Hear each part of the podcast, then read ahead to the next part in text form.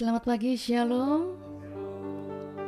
Puji Tuhan, hari ini Minggu 17 September 2023 kita dapat kembali bersama-sama untuk berkumpul beribadah kepada Tuhan kita, Tuhan kita yang hidup, Allah yang Maha Kuasa, Allah yang Maha Kasih, adil, dan setia.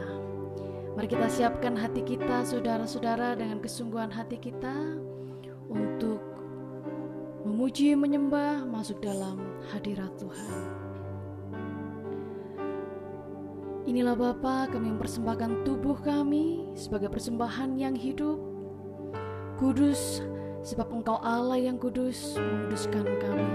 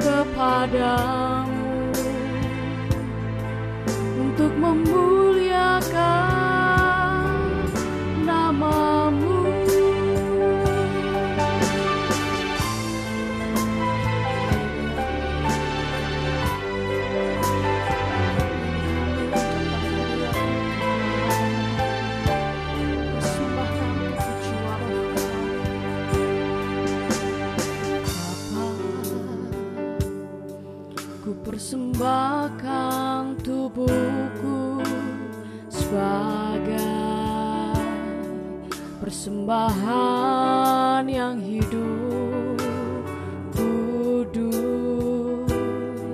dan yang berkenan padamu sebagai ibadah yang sejati. Kusembahkan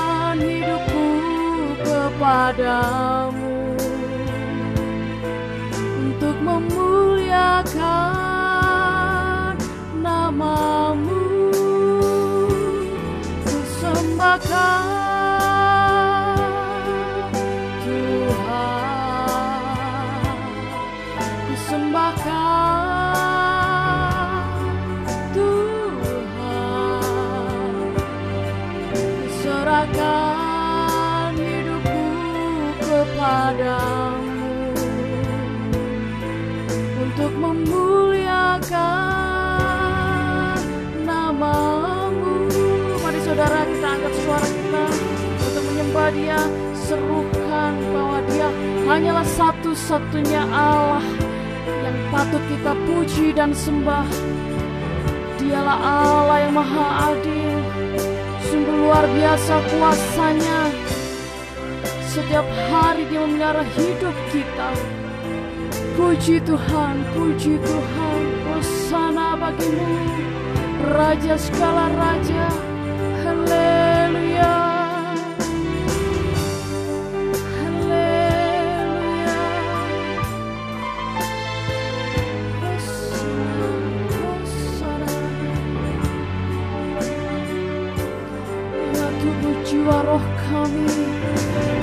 Kepadamu. Hanya dalammu kami dikuduskan,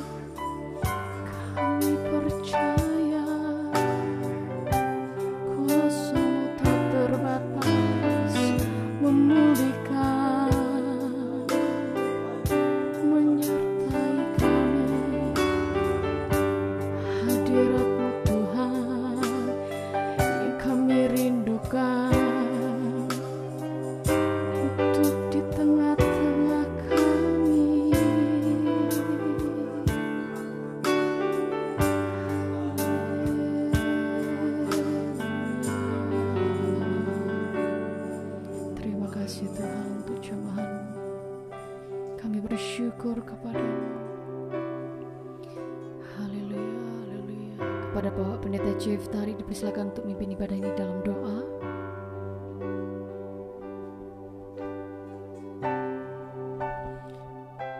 kepada Dikau Tuhan Yesus.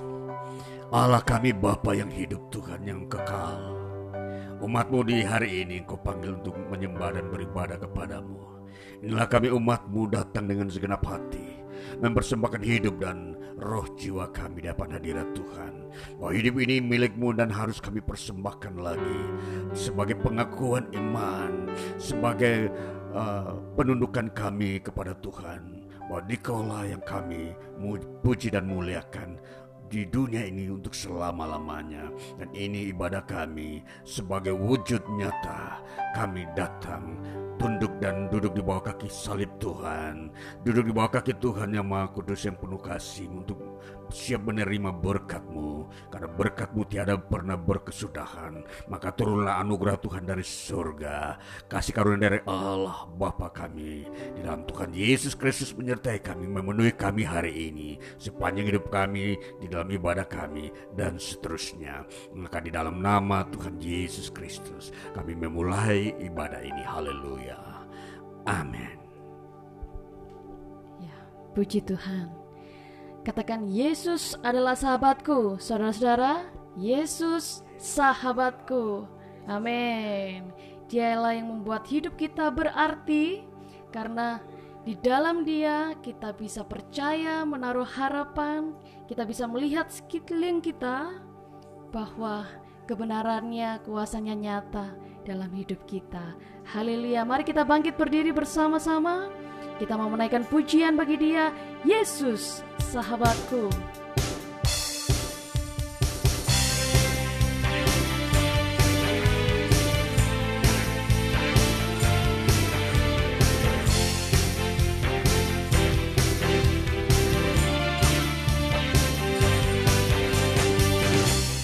Hidup yang kupilih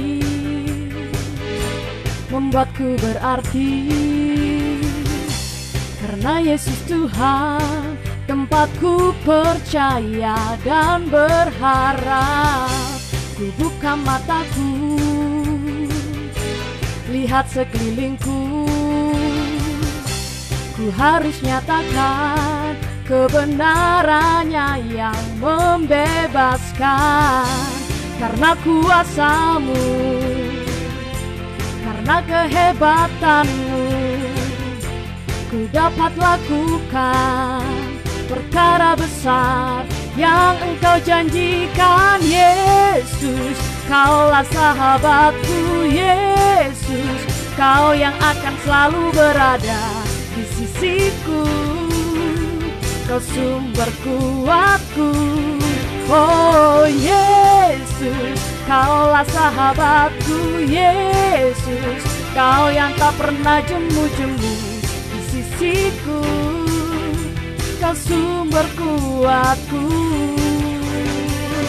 Kita naikkan pujian ini sekali lagi. Amin. Kita memilih hidup kita berarti di dalam Tuhan Yesus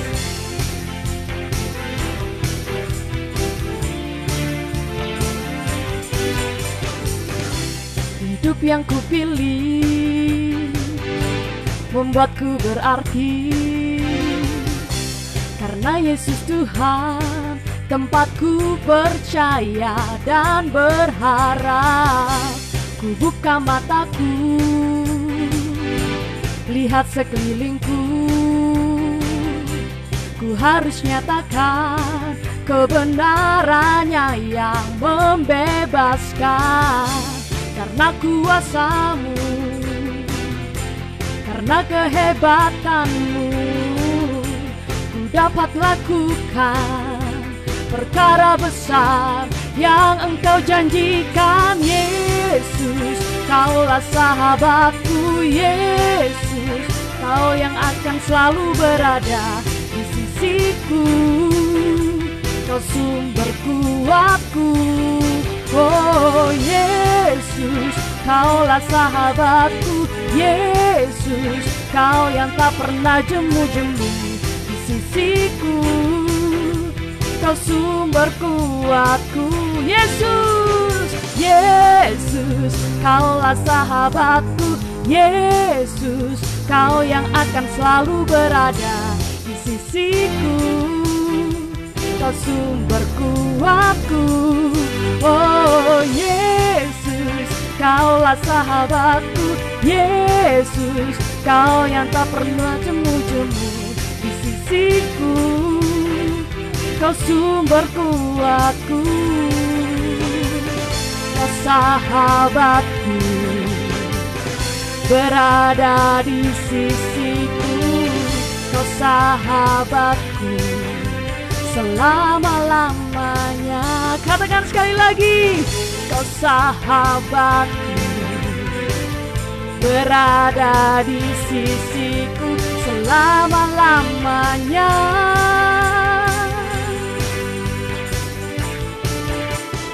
Yesus kaulah sahabatku. Yesus Kau yang akan selalu berada di sisiku sumber kuatku. Oh Yesus Kau sahabatku Yesus Kau yang tak pernah jemu-jemu Di sisiku. Kau sumber kuatku. Puji Tuhan. Saudara-saudara dipersilakan untuk duduk kembali Hanya dialah Allah kita yang maha kuasa di dalam Yesus Kristus kita pun diberikan kuasa dari dialah Raja yang mulia. Untuk apa?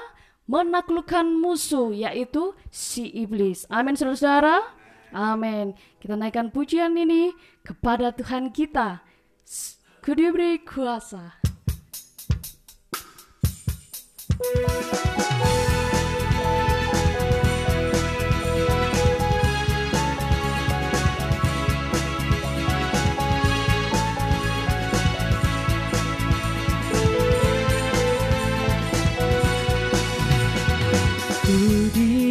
kuasa dari Raja Mulia Menaklukkan musuh di bawah kakiku. Ku pakai kuasa dari Raja Mulia. Bila Allah ada bersamaku Siapa jadi lawanku Bila Allah ada bersamaku Siapa jadi lawanku Sungguh besar kau Tuhanku Engkau perisai hidupku. Ku berdiri dengan iman Iman dalam Yesus Tuhan. Kau yang memberi Ku bersorak merayakan Terpujilah engkau Raja segala Raja. Jika Allah beserta kita Tidak ada yang dapat melawan kita. Karena kita telah diberikan kemenangan di dalam Yesus Kristus. Diberi kuasa dari Raja mulia menaklukkan musuh di bawah kakiku. Ku pakai kuasa dari Raja mulia. Bila Allah ada bersamaku siapa jadi lawanku Bila Allah ada bersamaku Siapa jadi lawanku? Sungguh besar kau Tuhanku. Engkau perisai hidupku. Ku berdiri dengan iman. Iman dalam Yesus Tuhan. Kau yang memberi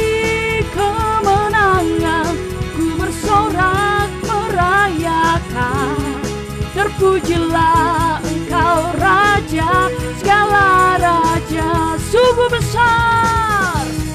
Sungguh besar kau Tuhanku Engkau perisai hidupku.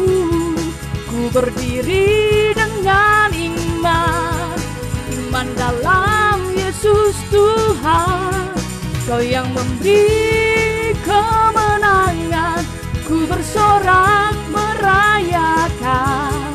Terpujilah engkau Raja segala Raja. Terpujilah nama Tuhan. Terpujilah engkau Raja segala Raja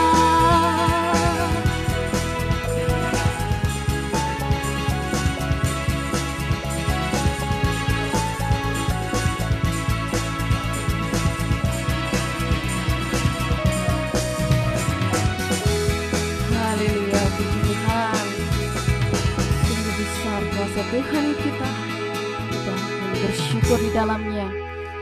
Tiba waktunya bagi saudara-saudara yang ingin memberikan kesaksian Dipersiapkan Dan mari kita bersama menyambut kesaksian melalui pujian Yaitu saat terindah.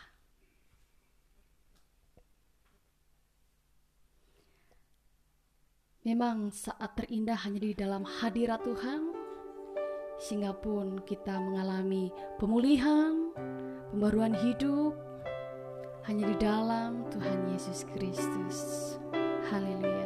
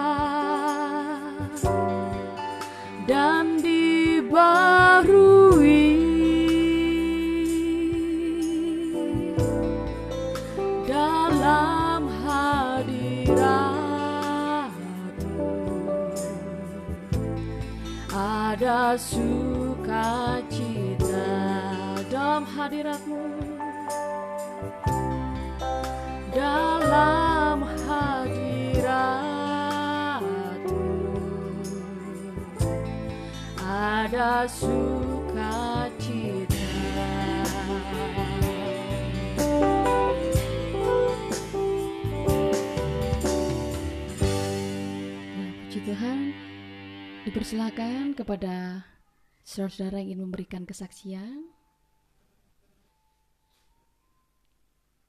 dari Ibu Foni melalui kesaksian pujian dipersilahkan.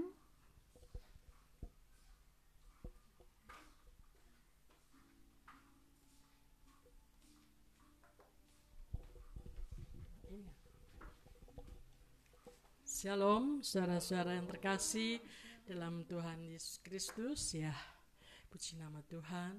Kita patut bersyukur bahwa hari ini kita dapat bersekutu dengan Dia, dapat beribadah, memuji Dia ya. Sebelum saya menyampaikan satu melantunkan satu pujian, saya akan bersaksi mengenai pemulihan pemulihan Tuhan di dalam kehidupan saya. Uh, di sini sungguh Tuhan tuh selalu ingin memperbarui kehidupan bagi setiap orang yang sungguh-sungguh mau mencari Dia dan menaruh pengharapan sepenuhnya akan Dia. Uh, saya uh, pada tahun 1979 itu saya pertama dijamah oleh Tuhan melalui seorang ibu uh, yang beliau adalah juga guru sekolah minggu saya. Uh, itu dia yang uh, melayani saya.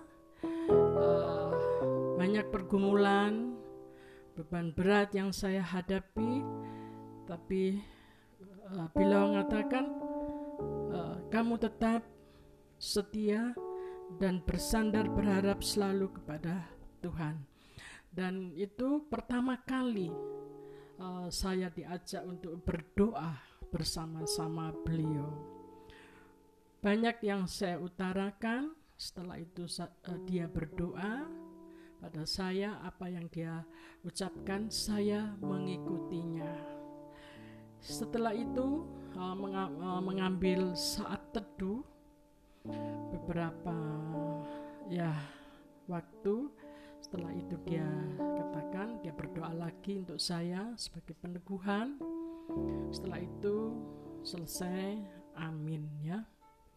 Waktu itu di, setelah selesai kita berdoa dia menanyakan kepada saya, Foni, apa yang kamu lihat di dalam doamu tadi? Lalu memang benar-benar saya di jamaah Tuhan saya katakan, ya, saya memang melihat api. Nyala api itu membara sekali. Tetapi api itu kok sejuk. Biasanya api dekat kompor aja sudah panas ya, saudara-saudara. Tapi ini saya melihat bara api yang begitu besar, tapi kok rasanya sejuk ya. Ah. Lalu beliau katakan, ya itu uh, jamahan Tuhan untuk kamu dan kamu uh, sudah dibaharui oleh Tuhan. Nah itu uh, untuk pertama kalinya saya mendapat uh, jamahan Tuhan serta pembaruan dalam hidup saya. Lalu berikutnya uh, Tuhan menjamah lagi. Memang kita selalu uh, ada pembaruan-pembaruan dalam hidup ini senantiasa karena itulah yang dinantikan Tuhan dan itulah yang dibutuhkan kita sebagai umat tebusannya pada tahun uh, 1997 itu saya secara pribadi dilayani oleh suami saya sendiri sebagai hambanya dan memang banyak uh, pelepasan-pelepasan dalam hidup saya karena setidaknya dulu saya itu memiliki ilmu kejawen. Nah, ini ilmu kejawen itu untuk pribadi uh, saya ya. Uh, doa-doa dilepaskan satu persatu ilmu saya. Nah, waktu itu memang saya malu-malu gitu ya. Apalagi itu suami saya sendiri, tapi saya merasa berat untuk mengutarakannya. Nah, tapi puji nama Tuhan, Dia menggiring, membimbing saya. Akhirnya hingga selesai tuntas dalam penyelesaian uh, saya memiliki ilmu kejawen itu.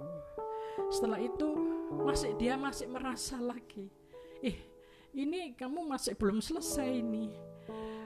Saya dalam hati saya, aduh apalagi ya, kok ya kamu masih belum selesai, selesaikan. Akhirnya tambah lagi itu waktu penyelesaian itu kita pas saya ulang tahun tanggal 14 November tahun itu 1997 itu.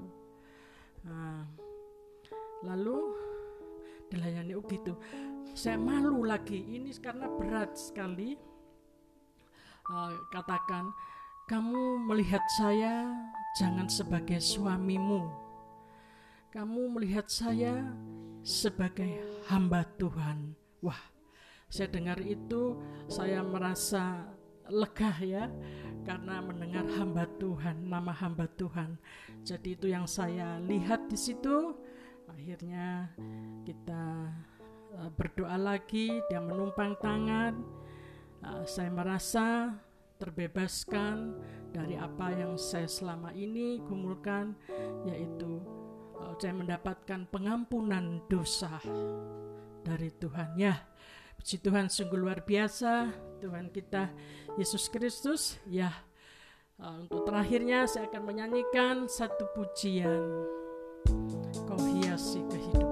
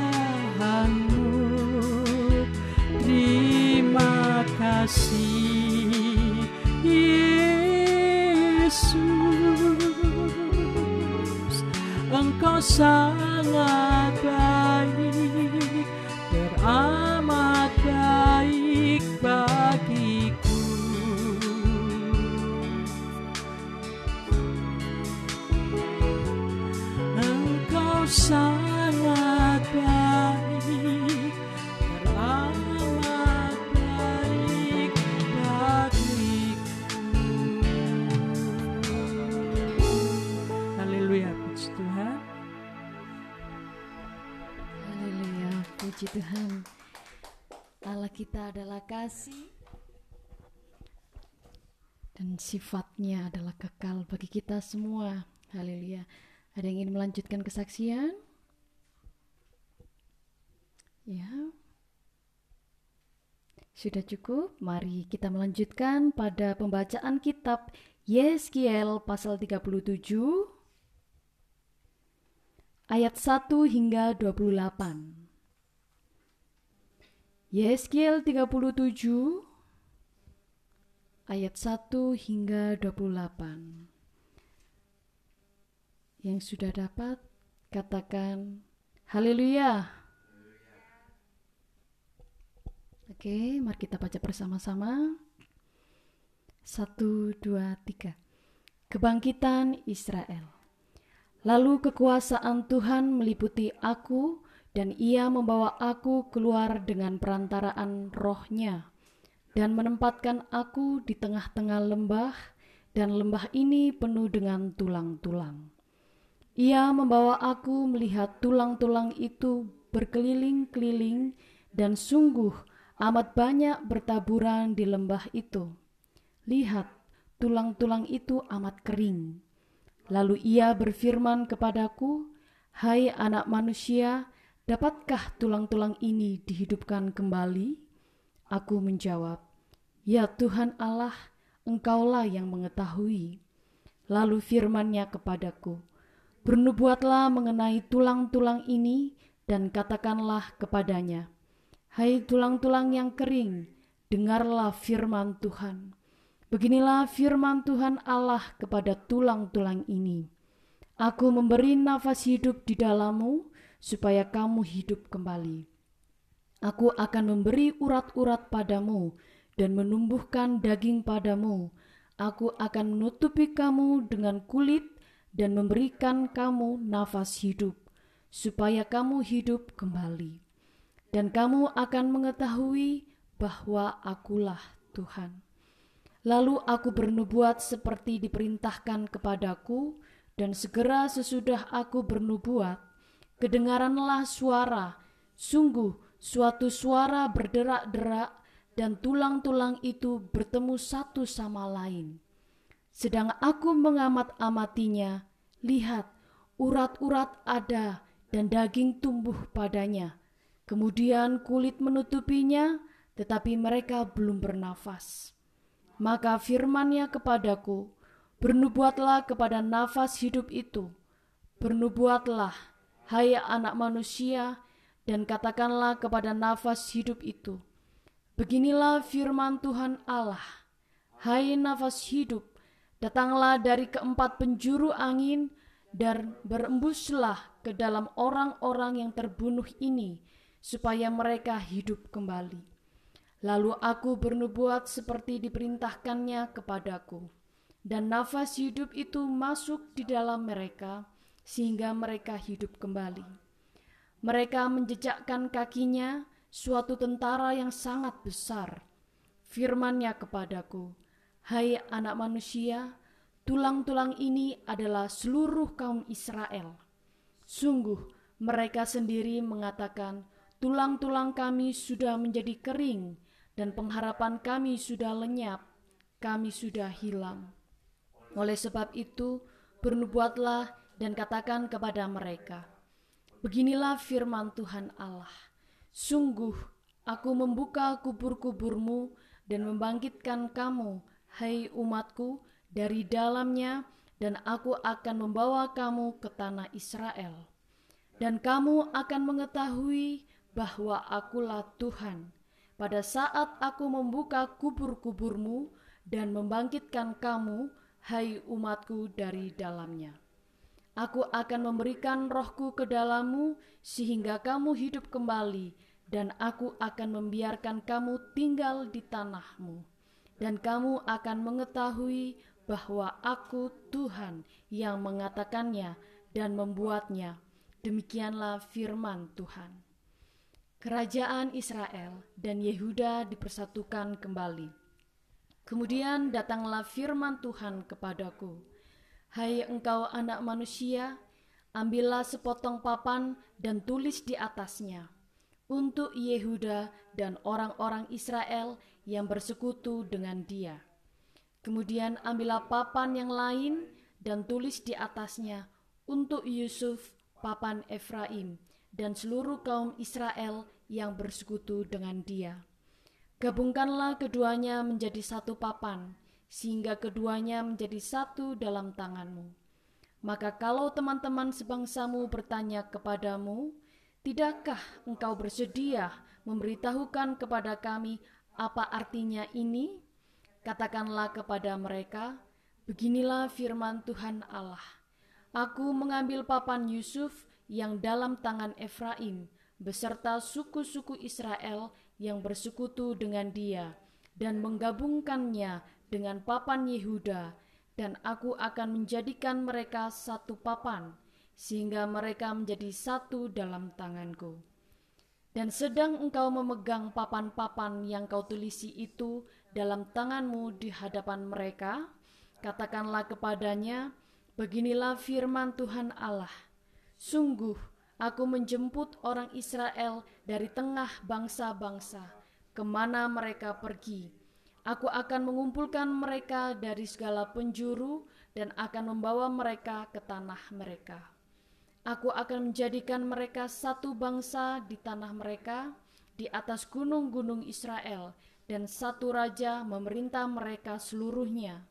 Mereka tidak lagi menjadi dua bangsa, dan tidak lagi terbagi menjadi dua kerajaan. Mereka tidak lagi menajiskan dirinya dengan berhala-berhalanya atau dewa-dewa mereka yang menjijikkan atau dengan semua pelanggaran mereka. Tetapi aku akan melepaskan mereka dari segala penyelewengan mereka, dengan mana mereka berbuat dosa dan mentahirkan mereka, sehingga mereka akan menjadi umatku dan aku akan menjadi Allahnya. Maka hambaku Daud akan menjadi rajanya, dan mereka semuanya akan mempunyai satu gembala. Mereka akan hidup menurut peraturan-peraturanku dan melakukan ketetapan-ketetapanku dengan setia. Mereka akan tinggal di tanah yang kuberikan kepada hambaku Yakub, di mana nenek moyang mereka tinggal. Ya, mereka anak-anak mereka maupun cucu cicit mereka akan tinggal di sana untuk selama-lamanya, dan hambaku Daud menjadi raja mereka untuk selama-lamanya. Aku akan mengadakan perjanjian damai dengan mereka, dan itu akan menjadi perjanjian yang kekal dengan mereka. Aku akan memberkati mereka dan membuat mereka banyak, dan memberikan tempat kudusku di tengah-tengah mereka untuk selama-lamanya. Tempat kediamanku pun akan ada pada mereka, dan aku akan menjadi Allah mereka, dan mereka akan menjadi umatku. Maka bangsa-bangsa akan mengetahui bahwa aku, Tuhan, menguduskan Israel pada waktu tempat kudusku berada di tengah-tengah mereka untuk selama-lamanya. Demikianlah pembacaan kitab Yeskiel pasal 37 Tiba waktunya kita akan mendengarkan penyampaian firman Tuhan yang akan disampaikan oleh Bapak Pendeta Jeff Tari. Mari kita siapkan hati kita untuk mendengarkan firman Tuhan dan menaikkan pujian bagi dia saat indah dalam hadiratmu Tuhan.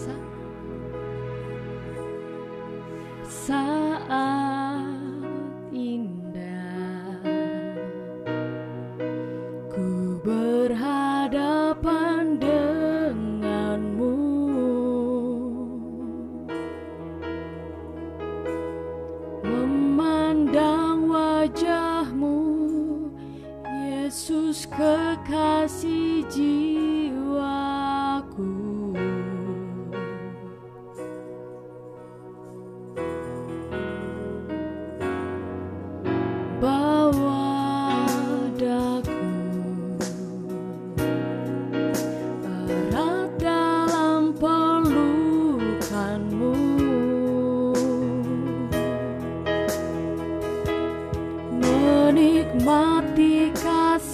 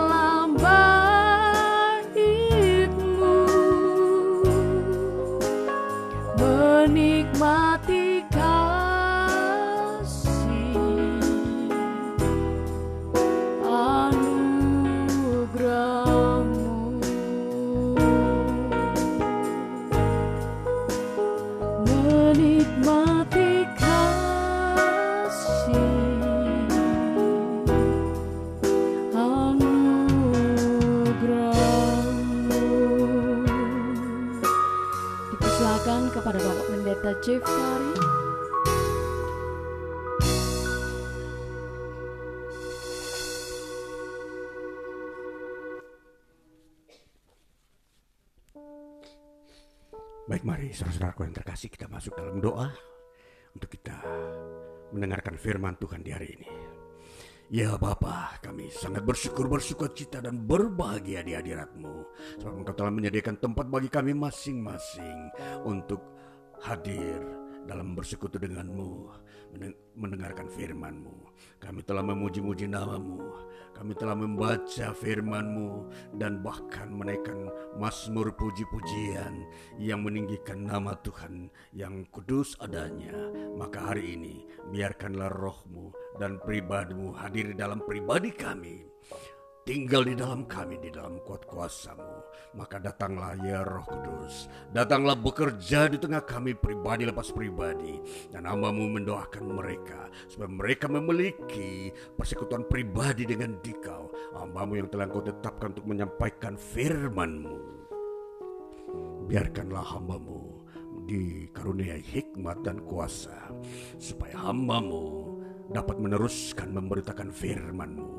Maka di hari ini di dalam nama Tuhan Yesus Kristus kami telah berdoa dan menantikan kuasa firman dan mujizat Tuhan yang ada di dalamnya. Dalam nama Tuhan Yesus kami berdoa. Haleluya. Amin.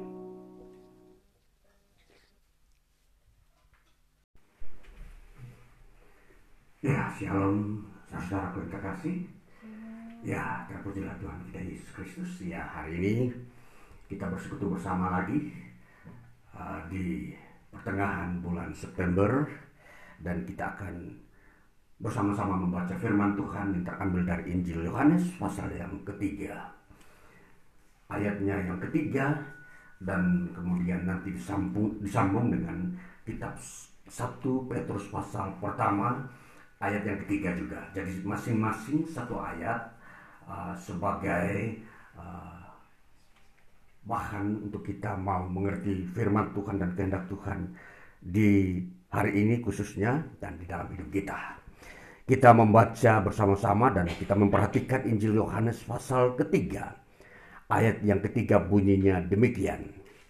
Yesus menjawab katanya, Aku berkata kepadamu, Sesungguhnya, jika seorang tidak dilahirkan kembali, ia tidak dapat melihat kerajaan Allah.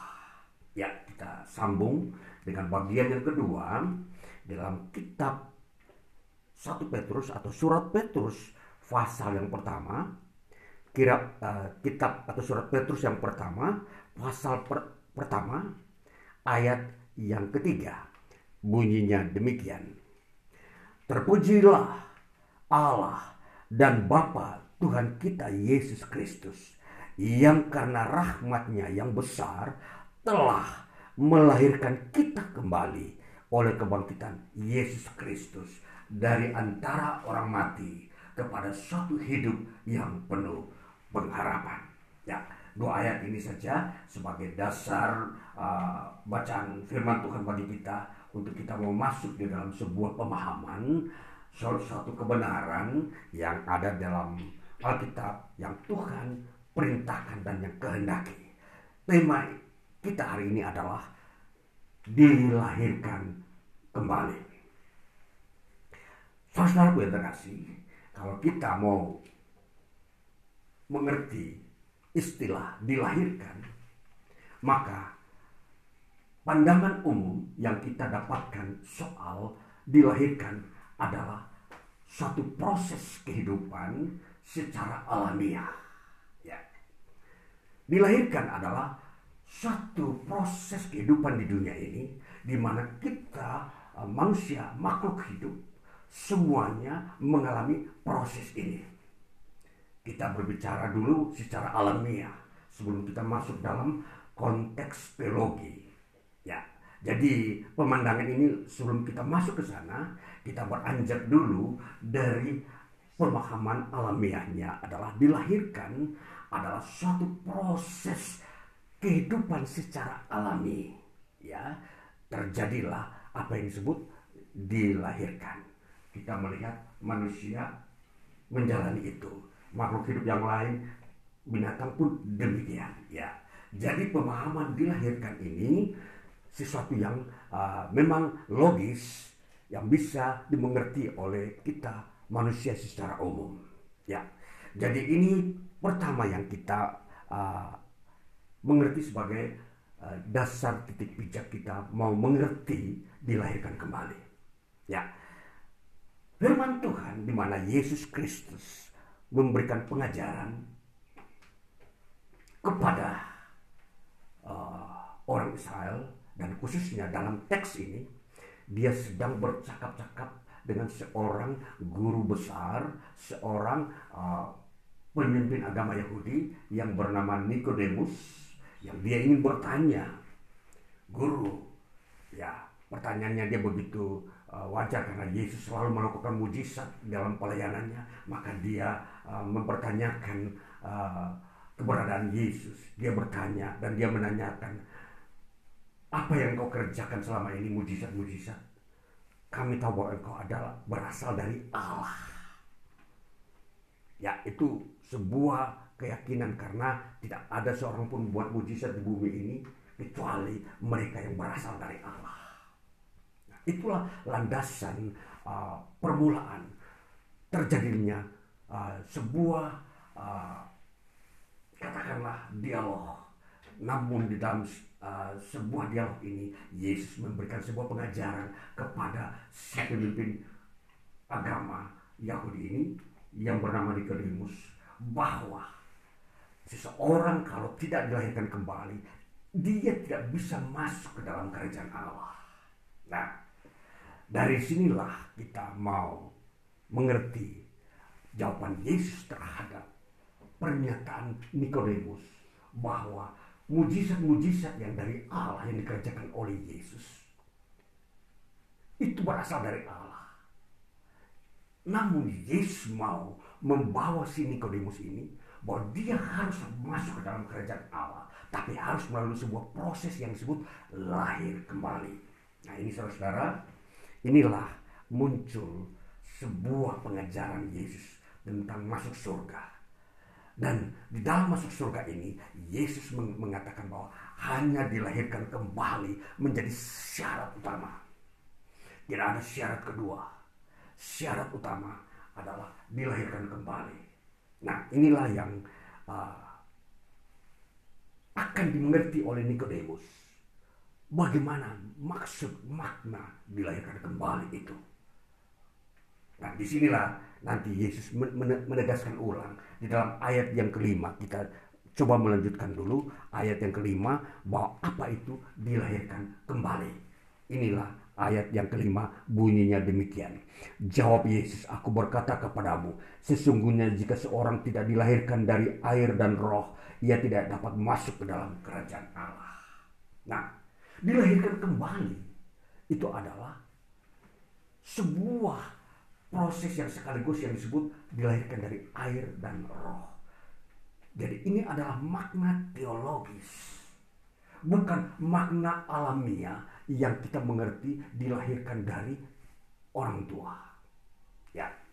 Jadi kita mau melihat bagaimana uh, makna dasar dilahirkan dari orang tua dengan makna teologis yang dilahirkan dari air dan roh ini untuk menjadi syarat kita masuk surga. Saudara-saudara, jadi di sini nanti saya akan menuntun kita semua perlahan-lahan mau mengerti apa itu dilahirkan dari air dan roh.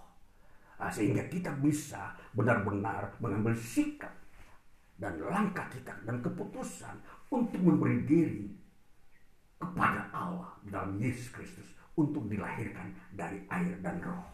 Nah ini saudara-saudara, jadi berangkat dari dilahirkan dari manusia secara alamiah mengertinya adalah dilahirkan adalah sesuatu yang terjadi dan hadir di bumi.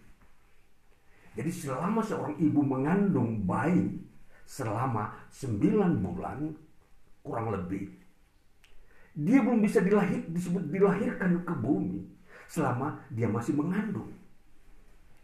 Sekalipun janin di dalam kandungan itu sudah disebut makhluk hidup. Tetapi selama dia masih ada dalam kandungan ibunya, dia belum disebut dilahirkan. Saudara, kita menerima makna ini dulu. Perhatikan poin-poin ini. Selama dia masih di, ada di dalam kandungan ibunya, dia belum disebut dilahirkan. Dan dia belum disebut dia ada di bumi. Ya, kita coba melihat makna kata tersebut. Nah, jadi seseorang disebut dilahirkan setelah memang ibu itu melahirkan bayi yang ada dalam kandungannya. Barulah bayi itu disebut dia dilahirkan. Ya, kita harus tahu itu dulu. Nah, sekarang kita beranjak kepada dilahirkan kembali. Ini sebuah proses juga sama mirip seperti seorang ibu melahirkan anaknya. Kalau kita melihat proses dilahirkan kembali, ini adalah makna teologis yang di mana ada unsur-unsur keilahian yang bekerja di dalamnya. Boleh kata dilahirkan kembali mirip seperti seorang ibu di bumi ini yang mengandung uh, janinnya itu. Jadi ketika seseorang di dunia ini dia ada di dalam proses kehidupan alamiah. Kita masuk dalam makna teologis sekarang ini. Bagaimana kita mau masuk dalam proses dilahirkan kembali. Bahwa hidup manusia sebelum dia uh, disebut bertobat. Dia masih ada dalam kandungan di dalam kandungan dalam bentuk dia belum dilahirkan kembali. Nah, jadi dia belum masuk dalam nuansa keilahian selama dia belum bertobat atau akhir balik. Nah, kita mau memperhatikan Yesus menegaskan seseorang tidak bisa masuk surga kalau ia tidak dilahirkan kembali. Ini penegasannya. Artinya bahwa selama seseorang baru masih dilahirkan dari ibunya, dia tidak bisa melihat kerajaan surga. Dia tidak akan bisa masuk ke dalam kerajaan surga. Jadi persyaratan untuk masuk ke dalam kerajaan surga ialah dilahirkan kembali oleh air dan roh. Dilahirkan dari air dan roh. Jadi dua unsur dipadukan menjadi satu. Dilahirkan dari air dan roh itu disebut dilahirkan kembali. Jadi kita mau melihat uh, bagaimana uh, pernyataan Tuhan Yesus menjelaskan dilahirkan kembali itu sebagai bentuknya seperti dilahirkan dari air dan roh. Sekarang kita mau masuk ke dalam makna air dan roh. Makna air di dalam uh, ketetapan Tuhan, di mana Tuhan menugaskan uh, Yohanes Pembaptis di dalam dia melaksanakan uh, tugas kenabiannya sebagai seorang yang membaptis uh, orang-orang Israel yang mau mengaku dosa. Maka dalam pelayanannya dia untuk uh, mewujudkan penebusan dosa yang dilakukan oleh orang-orang Israel, maka harus melalui proses pembaptisan. Mari kita melihat di dalam Injil Matius. Injil Matius pasal yang ketiga, bagaimana kita melihat uh, proses itu Yohanes, seorang nabi yang melakukan pekerjaan pelayanan pembaptisan ini.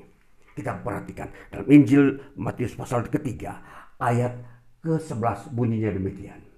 Aku membaptis kamu dengan air sebagai tanda pertobatan saudara, perhatikan. Yohanes seorang nabi yang ditugaskan Tuhan untuk melayani pelayanan pembaptisan. Nah, pelayanan pembaptisan ini fungsinya apa? Yaitu untuk melayani orang-orang yang bertobat mengaku dosa. Dan itulah tanda bahwa pertobatan itu telah sah. Pengakuan dosa itu telah disetujui oleh Allah. Telah uh, Allah kerjakan proses pengampunannya. Itulah yang disebut, disebut disebut dilahirkan dari air. Makanya Yesus berkata dilahirkan dari air menjadi sebuah simbol tentang pertobatan. Jadi di sinilah bahwa tanpa seorang bertobat mengaku dosa tidak bisa masuk ke dalam kerajaan surga. Apakah dia itu keturunan nabi? Apakah dia keturunan rasul? Apakah dia keturunan pendeta? Tidak bisa masuk surga tanpa melalui proses pertobatan. Jadi ini syarat ketetapan Tuhan bahwa pertobatan pengakuan dosa adalah syarat mutlak dan utama satu-satunya orang masuk surga tidak ada persyaratan lain. Karena yang ditampilkan oleh Yohanes hanya satu syarat. Dia membaptis. Membaptis orang yang bertobat. Sekali lagi penegasannya di sini. Bahwa pengajaran Alkitab tentang baptisan. Bahwa seseorang yang mengaku dosa harus dibaptis. Tidak bisa melalui proses lain. Tidak boleh melalui proses tanpa pembaptisan. Setelah mengaku dosa, harus dibaptis. Nah inilah ketetapan kitab suci firman Allah orang masuk surga. Maka jangan meremehkan baptisan. Jangan jangan uh, mengabaikan istilahnya. Jangan hanya berandalkan ya saya mengaku dosa sudah cukup selesai lalu uh, tanpa memperhatikan ketetapan-ketetapan uh, lain bahwa harus ada uh, sebuah uh, pengesahan ya legalitas dari pada suatu uh, pengakuan dosa oleh Allah katakan harus lewat baptisan. Nah, itulah sebabnya ini sebuah sakralitas baptisan itu pelayanan yang bersifat sekali untuk selamanya. Nah, kembali kita mau memperhatikan bagaimana bentuk baptisan yang dilakukan oleh Nabi Yohanes membaptis ini. Dia melakukan baptisan di Sungai Yordan dalam bentuk air yang banyak dan dibaptiskan dalam bentuk diselamkan. Ini pernyataan satu-satunya Alkitab soal baptisan adalah baptis selam. Tidak ada baptis percik dalam Alkitab, saudara-saudara. Saya perlu tegaskan karena firman Allah harus dibukakan. Siapa yang sudah baptis percik sejak kecil, tentunya kita tahu gereja yang menjalankan baptisan percik sejak kecil, kita tahu ada. Perlu dipulihkan. Karena itu bukan bersifat baptisan, itu bersifat penyerahan. Ya. Nanti kita melihat makna baptisan selam memang makna baptisan selam harus berhubungan erat dengan pengakuan dosa.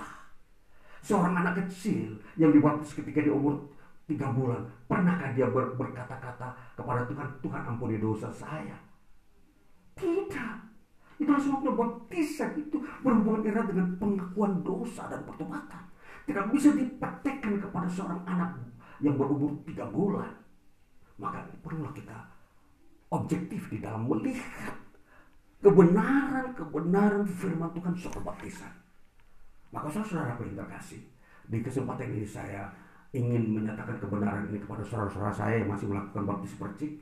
Mohon, coba lihat kembali, pelajari kembali apa kehendak Tuhan mengenai baptisan bahwa baptisan tidak bisa dikerjakan dengan bentuk yang lain. Hanya satu, baptisan selam.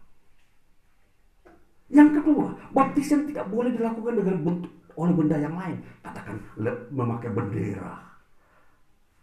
Baptisan hanya dilakukan dengan air, bukan benda yang lain, bukan kain, juga bukan pasir. Sekalipun engkau ada di padang gurun tidak ada air, kalau engkau ingin dibaptis tidak perlu memakai pasir. Datanglah ke kota untuk menemukan sungai agar engkau dibaptis. Itu yang dimaksudkan. Jadi saudara-saudara yang terkasih, kembali kita melihat bahwa baptisan memang saat ini sampai hari ini masih dipraktikkan orang dengan tiga bentuk baptisan. Baptisan pasir, baptisan bendera, dan baptisan air. Lalu baptisan air juga terjadi masih ada dua jenis, baptisan percik dan baptisan selam. Saudara-saudara, kita harus melihat sebuah kebenaran sudah tidak bisa lagi dirancukan, dilencengkan kebenarannya. Ya, kembali saudara-saudara terkasih. Melihat persyaratan masuk surga, engkau harus dilahirkan dari air dan roh. Tadi kita sudah mengerti air adalah baptisan, lambang simbol daripada pertobatan. Jadi dalam simbol ini bukan saja pertobatannya yang uh, ditampilkan, tapi berbarengan atau bersamaan dengan baptisan. Jadi kalau kita memperhatikan bahwa uh, pertobatan itu tidak bisa lagi dimaknai lain, hanya satu mengaku dosa. Mari kita memperhatikan surat 1 Yohanes pasal 1 ayat 9. Bagaimana kita melihat makna daripada pertobatan itu seperti apa sih itu bertobat? Seperti apakah uh, pertobatan itu wujudnya? Surat 1 Yohanes pasal yang pertama. Surat 1 Yohanes yang pertama, pasal pertama, ayat yang ke-9. Bunyinya demikian. Jika kita mengaku dosa kita, maka ia adalah setia dan adil. Sehingga ia akan mengampuni segala dosa kita dan menyucikan kita dari segala kejahatan. Ya, ini arti daripada pertobatan mengaku dosa. Artinya bahwa memang semua orang dilahirkan di bumi ini tidak pernah seorang pun berkata dia tidak pernah berbuat dosa. Maka tingkat kedewasaan itulah yang baru ditemukan kesadaran manusia ketika dia uh, orang berdosa. Itulah sebabnya pengakuan dosa hanya bisa dilakukan oleh orang dewasa. Itulah itulah yang dilakukan pada proses pembaptisan itu orang dewasa. Nah, saudara, jadi bagaimana kita mau masuk dalam dunia pertobatan? Ialah awalnya kita mengaku dosa di hadapan Tuhan. Saudara, mengaku dosa bisa kita lakukan secara uh, pribadi di hadapan Tuhan. Tetapi baptisan kita tidak bisa secara pribadi. Perlu ada sebuah jabatan atau seorang hamba Tuhan yang dipercayakan dalam sebuah kelembagaan gerejawi untuk membaptis setiap orang yang mengaku dosa. Jadi dengan kata lain kalau mengaku dosa secara pribadi bisa, tetapi baptisan tidak bisa secara pribadi. Harus ada yang uh, melegalkan, mensahkan, ada pengurapan di dalam pembaptisan. Maka di sini kita akan melihat pengesahan itu ber, uh, akan terjadi berdasarkan saksi-saksi yang melakukan pelayanan pertobatan. Makanya Yesus menegaskan, jika engkau tidak dilahirkan dari air dan roh, engkau tidak bisa melihat kerjaan surga. Engkau tidak mas bisa masuk. Sekali lagi, tidak bisa masuk. Jangan kita mau menggantikan dengan simbol-simbol yang lain untuk masuk surga. Hanya simbol yang dikatakan baptisan air dan roh. Sekarang baptisan roh. Kita memperhatikan. Dikatakan setelah seseorang dibaptis, kita melihat prosesinya. Barulah roh itu bisa ada atau turun di dalam pribadi seseorang. Kita melihat prosesnya di dalam Injil Matius pasal 3. Bagaimana roh itu uh, hadir di dalam pribadi Yesus diwujudkan setelah ia dibaptis oleh Yohanes Pembaptis di Sungai Yordan barulah roh itu diizinkan turun di dalam pribadi Yesus yang manusia sebagai wujud manusia saat itu. Jadi kita melihat konteks bahwa Yesus dibaptis adalah Yesus yang manusia. Jadi sungguh kita ketika masuk dalam teologi Kristen begitu uh, uniknya teologi Kristen kita melihat Yesus satu, sisi sebagai manusia, tapi satu sisi yang berikutnya kita akan melihat dia sebagai Tuhan. Itulah sebabnya ketika kita melihat dia sebagai manusia, dia menjalani apa yang disebut ketentuannya Allah, yaitu harus dibaptis. Perhatikan, Yesus yang datang sebagai manusia, dia mengikuti aturan Allah, harus dibaptis. Apatah lagi kita manusia, tidak mau dibaptis, betapa kita menyalahi ketentuannya Tuhan. Kita perhatikan Injil Matius pasal ketiga ayat yang uh, uh, pertama hingga seterusnya untuk kita melihat bagaimana proses ini terjadi. Dikatakan begini.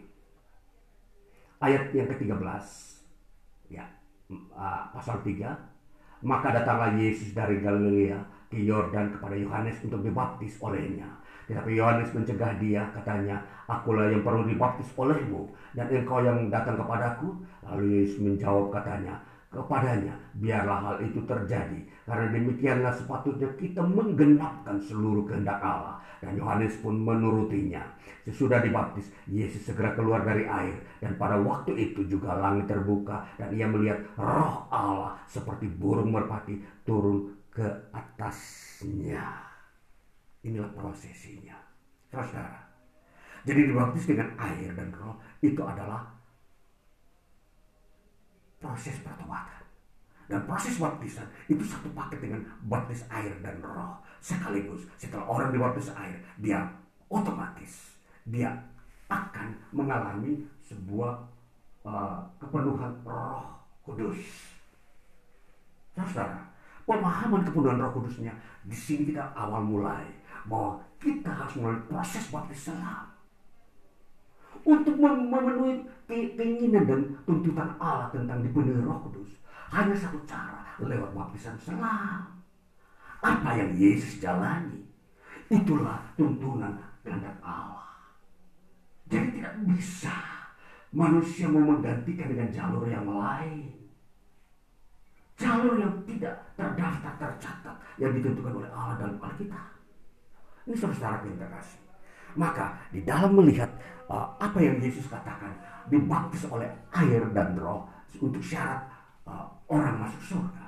Inilah bentuknya. Kemudian saudara-saudara yang terkasih. Mari kita melihat di dalam satu surat satu Petrus pasal yang pertama ayat yang ketiga yang kita sudah baca tadi. Kita memperhatikan ayat ini bunyinya demikian. Terpujilah Allah dan Bapa Tuhan kita Yesus Kristus yang karena rahmatnya yang besar telah melahirkan kita kembali oleh kebangkitan Yesus Kristus dari antara orang mati. Kita memperhatikan enggak? Lihat, memperhatikan bahwa dilahirkan kembali semula Yesus ajarkan kamu harus dilahirkan kembali. Maka ini uh, masih dalam bentuk uh, sebuah rumusan.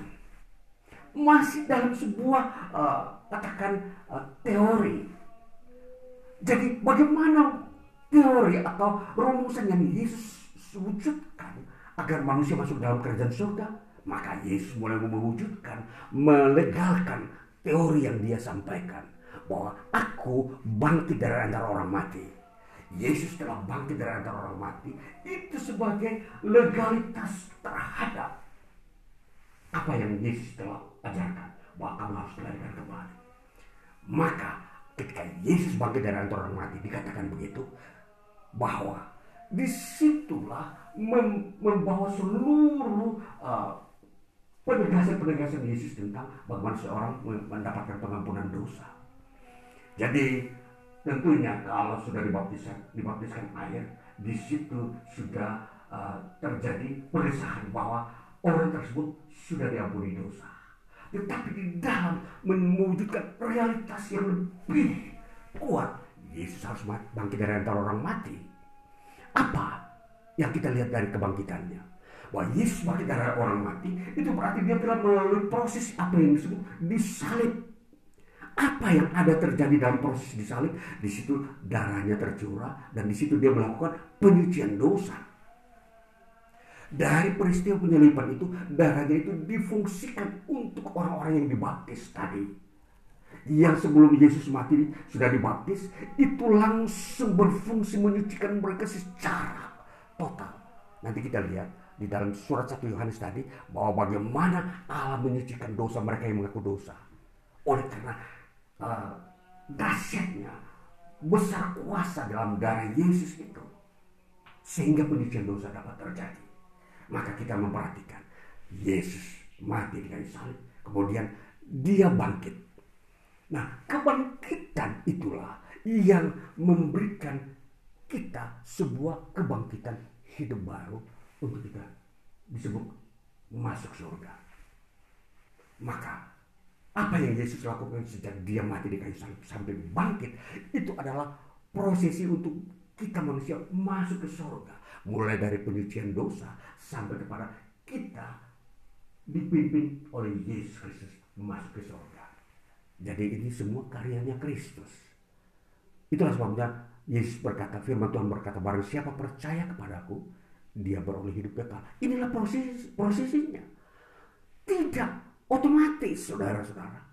Percaya Yesus bukan berarti otomatis hari, uh, hari ini saya masuk surga. Itu harus lewat prosesi, proses.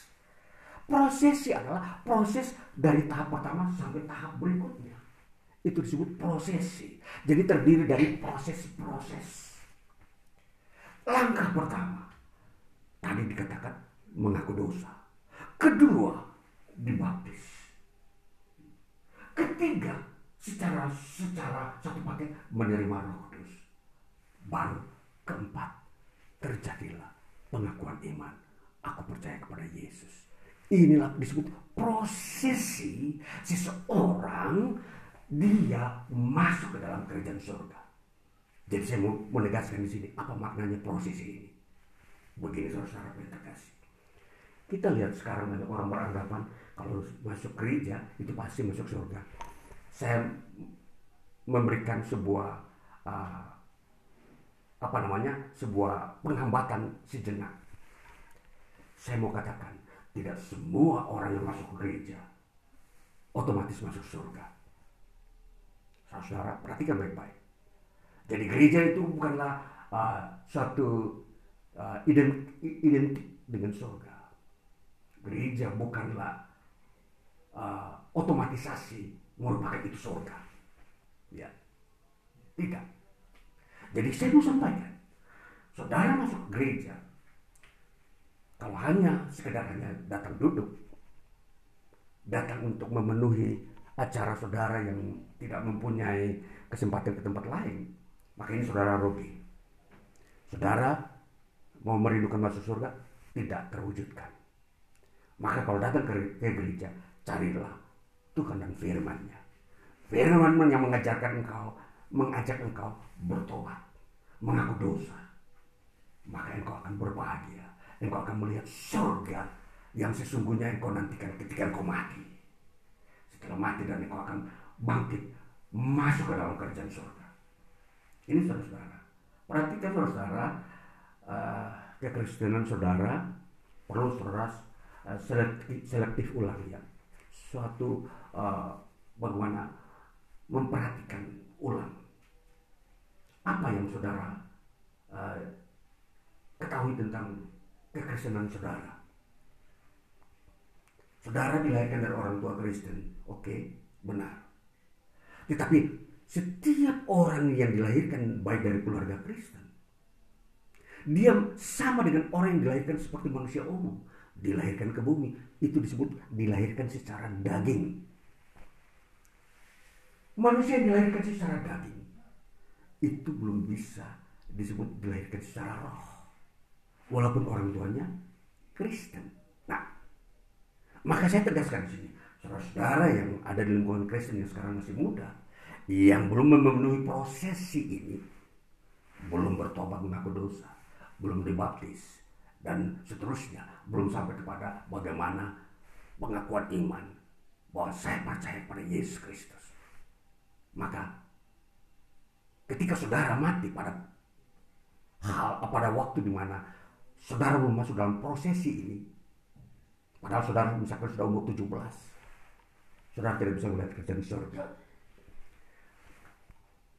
Ini harus perhatikan baik-baik. Karena firman Tuhan tidak bisa dilangkahi dan di, di, dihilangkan begitu saja. Supaya kita mau mengerti bahwa harus berhati-hati. Kalau kita sudah menginjak usia dewasa, boleh kata kalau saudara sudah umur 16, anak-anak muda perhatikan. Carilah Tuhan. Mintalah bimbingan dari pendeta untuk masuk dalam prosesi pengakuan dosa. Karena saudara sudah mulai mengerti apa itu dosa dan kemudian masuk selanjutnya di dalam pembaptisan air. Ini saudara-saudaraku yang terkasih.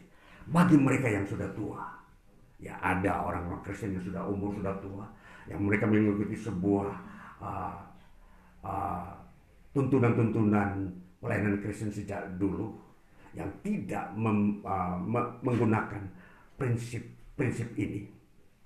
Mereka hanya masuk Kristen, kemudian katakanlah oleh karena tuntutan politis dan ekonomi mereka tidak masuk di dalam proses pembaptisan katakanlah karena dia berada bekerja di sebuah lingkungan di mana di situ mayoritas Kristen maka dia katakan eh saya mau ke gereja padahal dia belum masuk dalam proses yang disebut apa yang Alkitab tuntut sebagai layak seseorang masuk kerajaan surga karena dia bekerja di situ, dia katakan, ya saya mau ke gereja. Oke, mari kita bahas. Perhatikan bahwa saudara yang seperti ini, yang mungkin saat ini sudah berumur 30-50 tahun, saudara harus benar-benar ambil langkah untuk menjadi seorang yang layak masuk surga. Jangan cukup menjadi seorang Kristen. Ikutlah apa yang Alkitab tetapkan aturkan. Kemudian yang kedua, ada seseorang yang menjadi Kristen karena faktor ekonomi. Ya, perhatikan saudara. Ada seorang dia ke gereja. Bu, dia tidak masuk dalam proses yang Alkitab tentukan untuk masuk ke dalam kerajaan surga.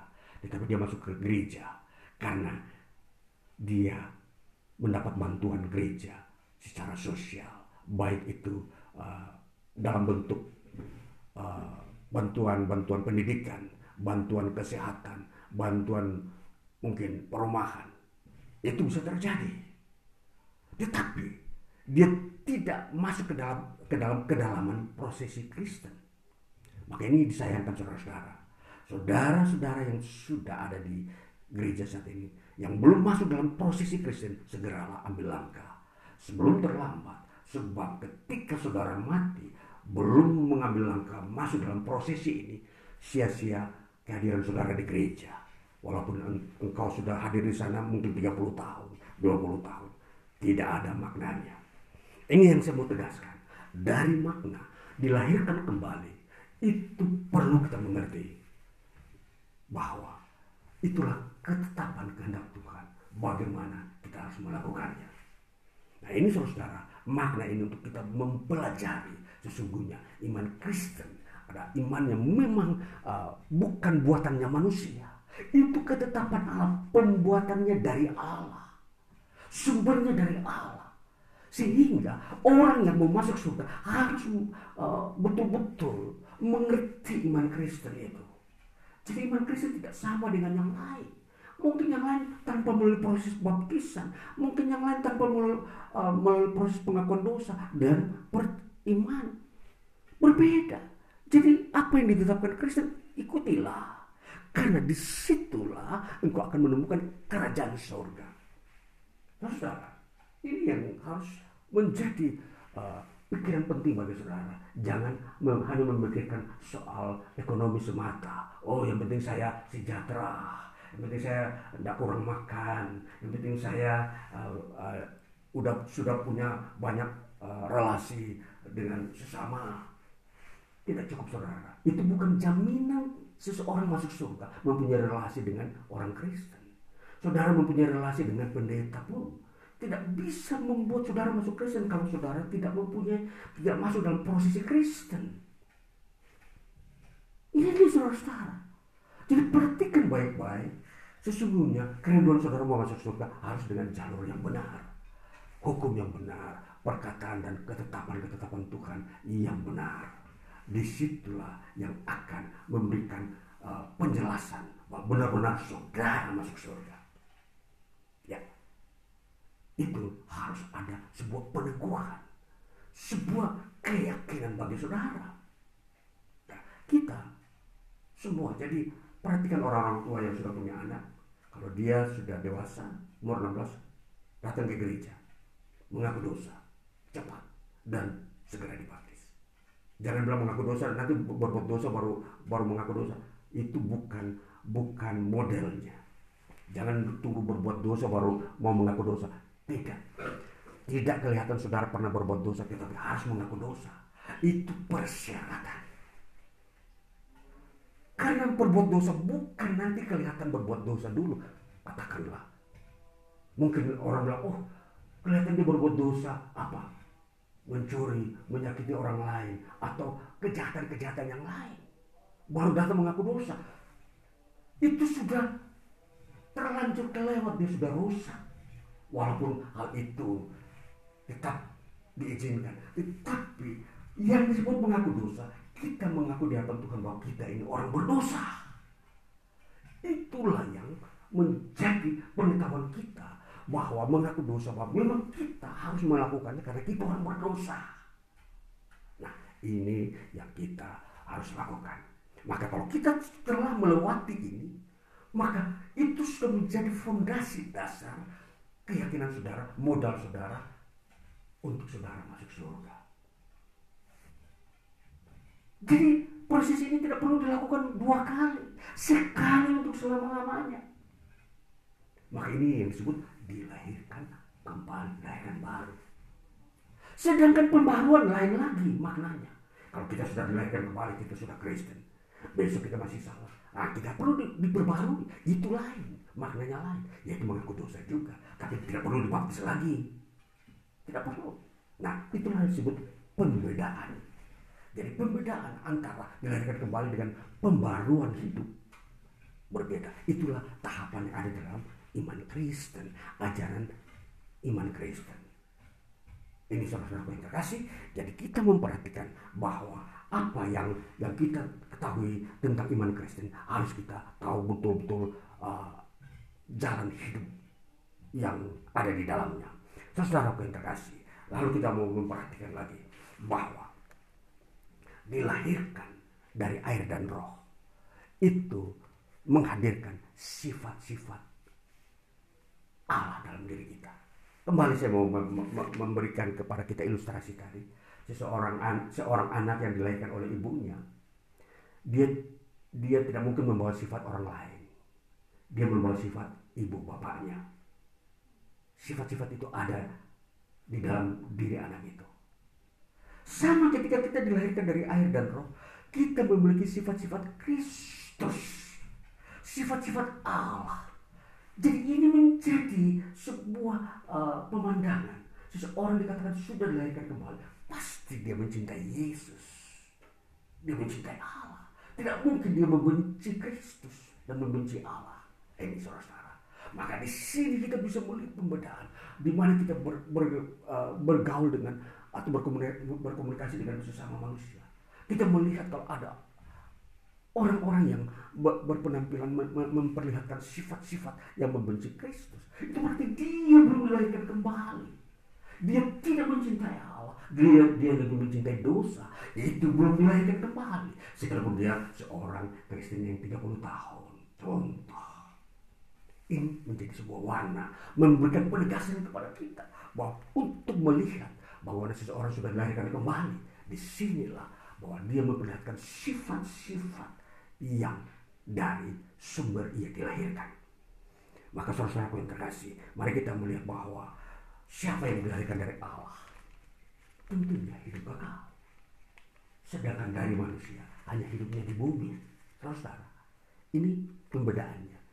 Jadi, kalau kita melihat hidup, maka setiap proses kelahiran itu akan menghasilkan hidup. Seorang anak yang dilahirkan oleh seorang ibunya, setelah dia hadir di bumi, dia dikatakan hidup. Sebaliknya seseorang dilahirkan oleh roh, setelah dilahirkan, dia dikatakan hidup yang kekal atau hidup di surga. Itu yang disebut dilahirkan. Maka dari dua perbandingan ini, bahwa kepastian-kepastian itu ada, bahwa pasti satu sisi ada hidup di dunia ini, yang satu sisi hidupnya di surga. Karena dilahirkan kembali, difungsikan untuk hidup di surga. Bukan untuk selamanya di bumi, tidak. Dilahirkan oleh manusia hanya untuk di bumi ini. Jadi fungsi daripada dilahirkan kembali oleh air dan roh untuk hidup di surga. Maka Yesus katakan kamu akan ke dalam kerjaan surga jika kamu dilahirkan dari air dan roh. Jadi perhatikan baik-baik. Tidak ada konsep lain untuk manusia hidup di surga.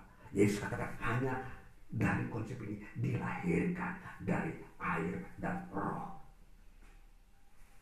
Tidak ada jalur lain. Tidak ada melalui jalur kita berbuat baik. Saya memberikan memberi makan kepada seribu orang. Tidak, itu bukan. Walaupun itu baik, itu bukan ketentuannya. Oh, saya itu selalu uh, berdamai dengan banyak orang saya tidak mempunyai musuh. Itu bukan juga. Bukan itu. Walaupun itu baik. Makanya jangan kita salah eh, menempatkan sesuatu pada tempatnya. Jadi kita harus menempatkan sesuatu pada tempatnya sesuai dengan fungsinya. Makanya kalau Tuhan menempatkan lewat dilahirkan kembali, jangan kita menempatkan lewat perbuatan baik. Tidak perlu jangan di di uh, alih fungsikan. Ya. Jadi di pemandangan Allah setiap orang yang belum dilahirkan kembali dia tidak punya tempat di surga. Tidak punya tempat. Maka perhatikan ini baik-baik. Jadi kalau konsepnya seperti itu, kita tidak bisa ubah dengan model yang lain. Ya, ya sekarang orang mau coba-coba bikin model begini. Ya, wow, kamu berbuat baik banyak ya. Oh, pasti masuk surga. Oh, kamu nolong orang banyak ya. Iya, pasti masuk surga. Kamu tidak bermusuhan dengan orang ya. Ya, oh, pasti masuk surga. Ini kata siapa ini? Ini bukan kata Alkitab saudara-saudara. Ini kata orang. Nah orang yang berkata ini siapa? Surganya dia? Bukan. Hanya surga-surgaan barangkali. Ini perlu kita menegaskan. Iman Kristen begitu tegas, saudara-saudara. menjelaskan tentang surga bukan sebuah uh, hanya imajinasi, sebuah hayalan. Bukan. Sebuah realita, sebuah kenyataan dan itu ada. Dan itu prosesnya jelas. Ya, jelas saudara. Jadi kita harus mengerti proses masuk surga, kita harus jalan. Jangan, jangan kita mengabaikan prosesnya itu. Proses yang ditentukan, lakukanlah. Tunduklah. Jangan mengeraskan hati. Jangan mengeraskan uh, uh, pribadi saudara. Ah, saya, saya kan sudah dibaptis waktu kecil. Maaf. Alkitab tidak menegaskan baptisan anak. Baptisan dewasa. Maka ini saudara-saudara, baptisan ketika kita sudah baptis kecil lalu baptis dewasa ulang itu bukan berarti kita baptis dua kali tidak maknanya berbeda saudara-saudara. Fungsi air pada anak kecil itu fungsinya untuk peneguhan dan penyerahan anak kepada Tuhan. Bukan pengakuan dosa. Mengerti? Karena itu sebuah penerapan teologi pada era uh, transisi di masa gereja. Mengalami masa transisi. Saudara-saudara, perhatikan baik-baik. Masa transisi memang suatu masa darurat. Maka sering kali itu dipakai untuk uh, pelayanan baptisan. Padahal untuk kondisi-kondisi yang normal itu tidak perlu diterapkan lagi. Baptisan itu penting saudara. Jadi harus kita benar-benar utuh dan kuat di dalam kebenaran-kebenaran seperti ini. Ya, kembali saudara akhirnya kita mau menemukan bahwa bahwa dilahirkan kembali itu menjadi legalitas iman Kristen di mata Tuhan, bukan di mata manusia. Jadi kalau saudara ingin mendapat pengakuan sebagai anak-anak Allah, ya, bahwa saudara anak-anak Allah, lakukan proses ini. Mengaku dosa, dibaptis, dan terimalah roh kudus, dan kemudian imanmu itu tetap kau ucapkan di hadapan Tuhan bahwa engkau percaya kepada Yesus Kristus. Maka ini kesimpulan kita di hari ini bahwa kita telah masuk di dalam apa yang disebut makna dilahirkan kembali, maka hidup kita layak masuk surga. Tuhan Yesus memberkati saudara dan kita semua di hari-hari ini. Tuhan Yesus memberkati. Haleluya. Baik saudara-saudaraku di tempat ini dan uh, seluruh jemaat Tuhan atau saudara-saudara yang mendengar mengikuti ibadah kami melalui podcast ini Baik kita masuk di dalam doa syafaat lagi dan kita akan meneruskan ibadah kita di dalam kuasa Tuhan Yesus Kristus. Mari kita masuk di dalam doa syafaat kita. Kita berdoa. Bapa kami bersyukur karena firman-Mu harus dibukakan terang benderang kepada semua orang generasi saat ini untuk mengerti secara benar pengajaran dan ketentuan Tuhan tentang hidup kekal yang akan dirindukan oleh setiap orang di saat-saat ini.